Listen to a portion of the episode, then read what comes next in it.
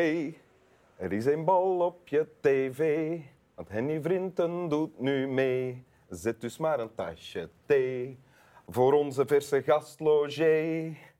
En kijk maar uit je zetel mee, leraar en prostituee. Welke tekst bracht Henny mee naar winteruur op canvas? Hoi, hoi, hoi, hoi! Excuus. Nee, is goed. Is goed. Welkom in Winteruur, Henny Vrienden. Dankjewel, dank je. Uh, zanger, muziekmaker, liedjesmaker uh, en popicoon. En vader ook van kinderen. Uh, zo vat ik je samen. Is dat goed? Ja, dat is bondig, maar goed. Het klopt allemaal. Ja. En je hebt een tekst meegebracht. Wil je die Ja. voorlezen? Ja, zal ik doen. Ehm, moet ik erbij zeggen wat het is? Dat zullen we achteraf doen. Doen we dat achteraf? Oké. Het is van 4 november 1977, zie ik. Ja, en het is eh, de laatste pagina in een dagboek. Oké. 4 november 1977, 9.30 am. Ik heb de capsules genomen met wat whisky. Het irreële van de situatie is treffend. Ik voel me niet anders dan anders. Ramsay, dat is zijn partner, is gisteren teruggegaan naar Harrow Hill. De beslissing dat het gedaan moest worden kwam daarna plotseling. Ik kan me niet nog eens een paar jaar in deze toestand voortslepen. Het is een heldere zonnige morgen, vol leven. Op een morgen als deze zijn velen me voorgegaan.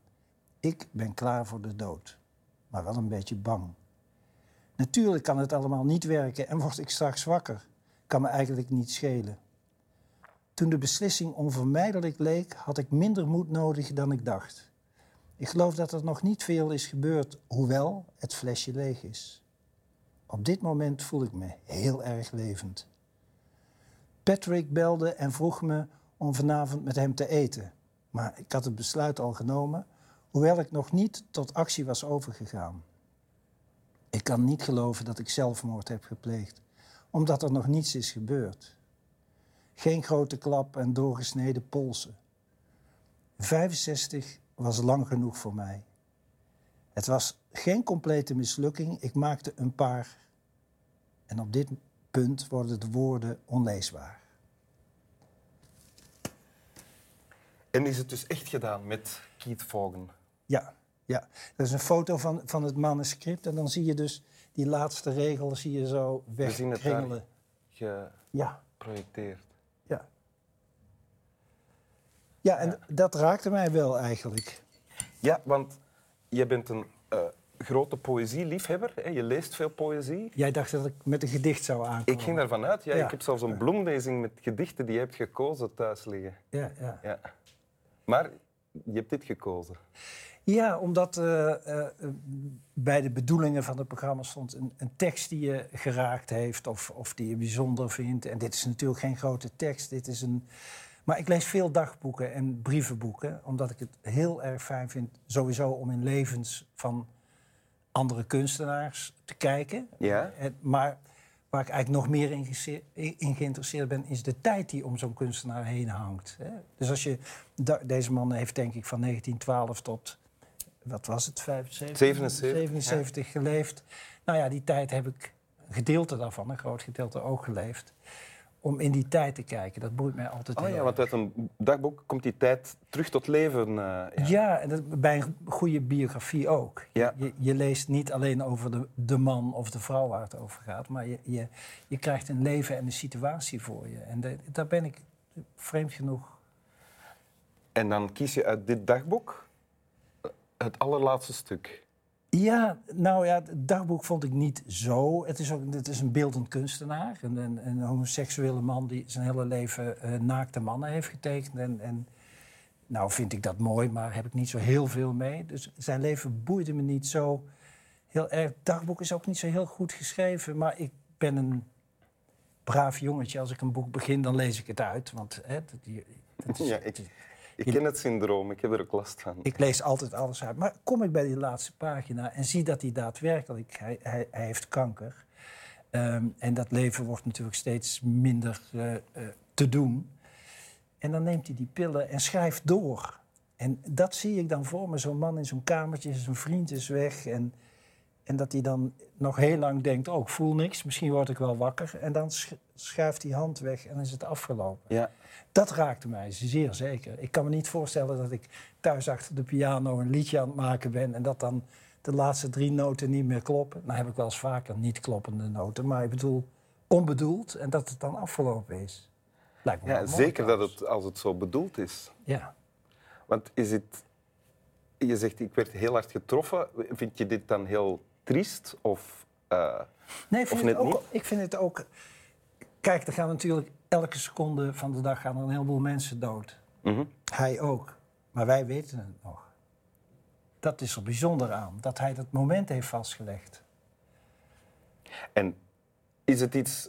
Kan je jezelf voorstellen dat je ook zoiets doet?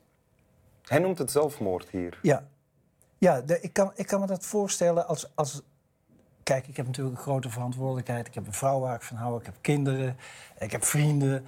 Ehm, Nog een paar Dus- optredens gepland, ook? ook dat, ook Ja. dat. Het zou trouwens mooi zijn dat het tijdens het optreden gebeurt. Vlak daarna. Ik zou overal vlak vanaf. daarna. Nou, Ja. ik op het podium liefst, als het dan toch moet. Als Maar je- dan wel het laatste optreden van de reeks. Ja, ja, en dan in de toegift. Ja. Tijdens welk liedje dan? Eh, Oké, is dit alles? Is dit alles? Ah, ja. En dan kan ik er nog net, was dit alles eh, van maken? Nee, de, eh, alle gekheid op een stokje. Ik, ik heb grote waardering voor mensen die die keuze maken. Hè, jullie jullie eh, grootste man of letters ooit, Hugo Claus... die voelt dat hij verdwijnt uit het leven... en beslissingen neemt ehm, die het in zijn eigen hand neemt en eruit stapt. En... ik hoop, ik hoop dat ik de kracht en de moed vind eh, als, als dat nodig is om ook te doen. Denk je daar dan aan? Ben je daarmee bezig? Hoe oud ben je eigenlijk? Ik ben 71. Ja. Dus het ligt in de lijn der verwachtingen dat het ergens binnen In- nu en een jaar of tien. Zo, zo gaat vooral met de oude popsterren, die, die gaan wat eerder, hè? Ja. veel geleden. Ja. Ehm, maar ik voel me heel goed hoor. Oké. Maar eh, ja, ik denk er niet veel aan. En, en ik, ik, ehm, hij heeft het ook ergens hier over de ziel en zo. eh, dat hij dat helemaal, dat hij daar niet in gelooft. En ik eigenlijk ook niet. Ik geloof dat we een soort zuchtje zijn tussen twee, twee stiltes in. En als je naar de natuur kijkt, eh, eh, vlindertjes, bijtjes. Ze hebben allemaal een cyclus en, en die gaat wat snel en onze, onze duurt wat langer. Maar Ja. ik zie het als een natuurkundig edoch kort verschijnsel. Het sterven of het leven? Het leven. Het leven. Het sterven is een ding dat, dat ik denk... Ik denk trouwens ook dat als je goed kunt leven, dat je beter kunt sterven. Dat geloof ik ook 100%. En wat mij heel erg treft ook in eh, het stuk dat jij nu net komt voor te lezen, is dat hij schrijft op de volgende bladzijde, hij schrijft ook nog, ik voel me, op dit moment voel ik me heel erg levend. Dus dat heeft hij geschreven, ik denk minder dan een minuut voor hij het Ja. bewustzijn verloor of er niet meer bij Ja. was. Ja. Ja. Wat En- iets prachtig is om, om te zeggen, nog vlak voor je sterft. en dat gebeurt als je er eh, zelf een eind aan maakt. Want in, in, in wezen functioneer je nog. En zijn brein fun- functioneert echt 100% zo te zien. En, maar als je als een nachtkaars rochelend, naar adem zoekend, natuurlijk doodgaat... Dan, heb je, dan voel je je niet levend, volgens mij. Nee. Wil je het nog eens voorlezen? Ja, ik wil er niet, ik wil er niet eh, oneerbiedig over doen, want... maar ik bedoel, de Hoezo, dood... waarom zeg je dat? Nou ja, het, eh, kijk, ik, ik heb het over mijn dood dan. Hè. De, ik bedoel, ieder, ieder verhaal, ieder Ah, gedicht ja. dat, je, dat je leest, je trekt alles, betrekt alles tot jezelf. Maar ik doe luchtig over mijn dood. Maar dat wil, daarmee wil ik niet zeggen dat mensen die net iemand een dierbaar hebben verloren, dat die daar luchtig over moeten doen. Ik denk dat het ook jouw recht is om daar over je eigen dood. Heb je een idee van, stel dat je in een positie komt waarin je zegt, ik beslis nu zelf om te gaan, wat je dan nog gaat doen die laatste minuten? Dat weet ik niet, maar ik, de manier waarop, eh, daar, daar heb ik wel een mooie voor bedacht. Eh, er was een dichter, eh, vergeten man, 20, 30 jaar in Nederland, die heette Frans Bastiaanse. Verder nooit meer aan denken, zeker niet gaan lezen. Maar die, eh, die maakte een eind aan zijn leven en die liep naar het strand. Ik geloof dat het Zandvoort was, maar het kan ook Zeveningen zijn geweest. En die eh, was een hele nette man. Die kleedde zich uit en die legde een heel mooi stapeltje. En, en zijn schoenen, zijn hoed erop. En die zwom naar Engeland. Is hij natuurlijk nooit aangekomen, maar dat vond ik wel een nette, nette dood. Dus als we ooit ergens een stapeltje vinden op een strand... Ja, ik, ik weet niet of ik het zo netjes kan stapelen als hij, maar ik zal wel mijn best doen. Maar nogmaals, ik heb nog geen plannen. Ik heb de capsules genomen met wat whisky. Het irreële van de situatie is treffend. Ik voel me niet anders dan anders. Ramsay is gisteren teruggegaan naar Harrow Hill. De beslissing dat het gedaan moest worden kwam daarna plotseling. Ik kan me niet nog eens een paar jaar in deze toestand voortslepen. Het is een heldere, zonnige morgen, vol leven. Op een morgen als deze zijn velen me voorgegaan. Ik ben klaar voor de dood, maar wel een beetje bang. Natuurlijk kan het allemaal niet werken en word ik straks wakker. Ach, kan me eigenlijk niet schelen. Toen de beslissing onvermijdelijk leek, had ik minder moed nodig dan ik dacht. Ik geloof dat er nog niet veel is gebeurd, hoewel het flesje is leeg. Op dit moment voel ik me heel erg levend. Patrick belde en vroeg me om vanavond met hem te eten, maar ik had het besluit al genomen, hoewel ik nog niet tot actie was overgegaan. Ik kan niet geloven dat ik zelfmoord heb gepleegd, omdat er nog niets is gebeurd.